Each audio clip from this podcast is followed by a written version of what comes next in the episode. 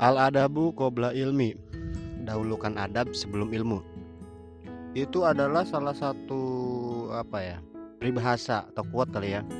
Yang uh, gua denger langsung dari mulut anak gue yang pertama setelah uh, awal-awal masuk waktu itu ke pondok pesantren. Gak salah sih, kenapa kita mesti mendahulukan adab daripada ilmu? Karena ternyata katanya uh, orang berilmu belum tentu orang beradab. Sedangkan orang beradab sudah pasti berilmu. Kenapa bisa begitu? Ya adab kayaknya lebih uh, condong ke hasil dari uh, apa ya? Implementasi kali ya dari sebuah keilmuan.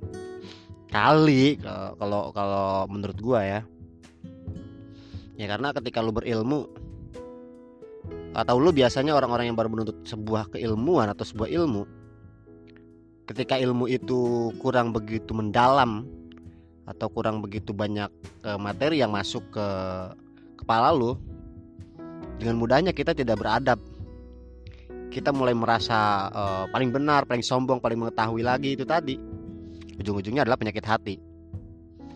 Dan semakin orang tinggi ilmunya pasti semakin lebih beradab itulah kenapa uh, ada istilah uh, pardi itu semakin berisi semakin merunduk.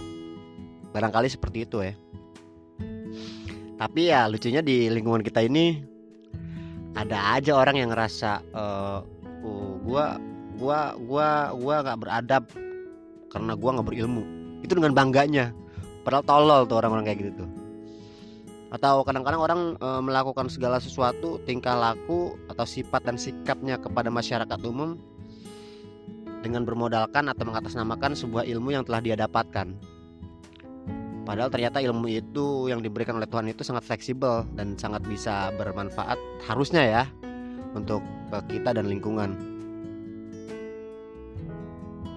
Sedangkan tentang ilmu itu tentang bagaimana kita uh, memanfaatkan atau mensyukuri atau salah satu cara mensyukuri nikmat yang diberikan oleh Allah uh, itulah akal. Akal dan pikiran.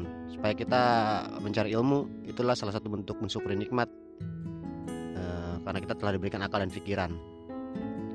Sedangkan adab ya lebih ke bagaimana caranya kita betul-betul bisa memanfaatkan ilmu itu dengan baik dan benar.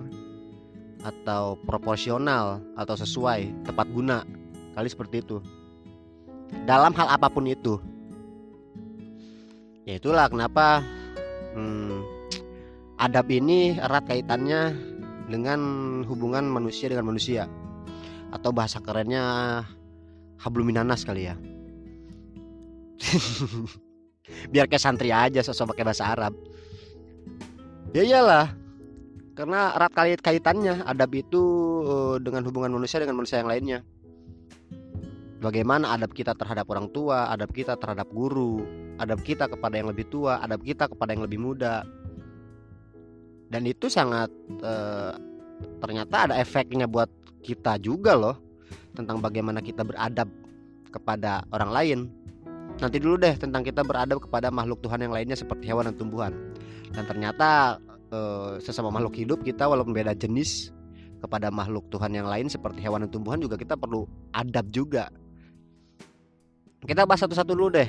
Itu itu untuk hewan dan tumbuhan kita terlalu jauh terlalu uh, kayaknya kita belum sanggup toh kita yang sifatnya umum dan dasar aja tentang bagaimana kita beradab kepada manusia atau sesama manusia aja kita belum bisa. Gimana sih kita kepada guru? adab kita terhadap guru mempengaruhi bagaimana kita akhirnya memiliki ilmu yang bermanfaat atau ilmu yang betul-betul bisa nerap atau bisa e, menyatu dengan diri kita dan bisa diimplementasikan dengan baik itu salah satunya. Dan ada dampaknya. Lu sifat lu atau adab lu baik pada guru lu dan ilmu yang di, guru lu berikan kepada lu juga pasti bermanfaat dan itu sangat uh, disebut juga ilmu yang barokah kali ya. Atau berkah ilmu juga di sana karena lu bisa beradab kepada guru lu. Adab kepada orang tua ya kita udah nggak usah jelasin deh. Karena dari kecil juga kita udah tahu bagaimana kita seharusnya kepada orang tua kepada yang lebih tua bagaimana sopan santun. Kepada yang lebih muda kita harus saling menyayangi adabnya seperti apa. Ya kan? Nah yang lucunya adalah yang biasa kita temuin adalah bagaimana kita sebagai orang tua nih yang udah pernah kawin nih yang udah pernah punya anak. Eh, kadang-kadang ngeliat anak kita kok anak kita kayaknya kurang cerdas ya kurang pinter ya kurang bisa eh, mengamalkan atau menangkap ilmu-ilmu yang telah diberikan oleh guru-gurunya. Seperti yang di episode gue sebelumnya pernah gue bahas ternyata salah satu asupan itu eh, ada pengaruhnya juga terhadap anak-anak kita. Asupan makanan ya. Seperti yang uang dari mana hasil dari apa yang kita berikan untuk makanan anak kita.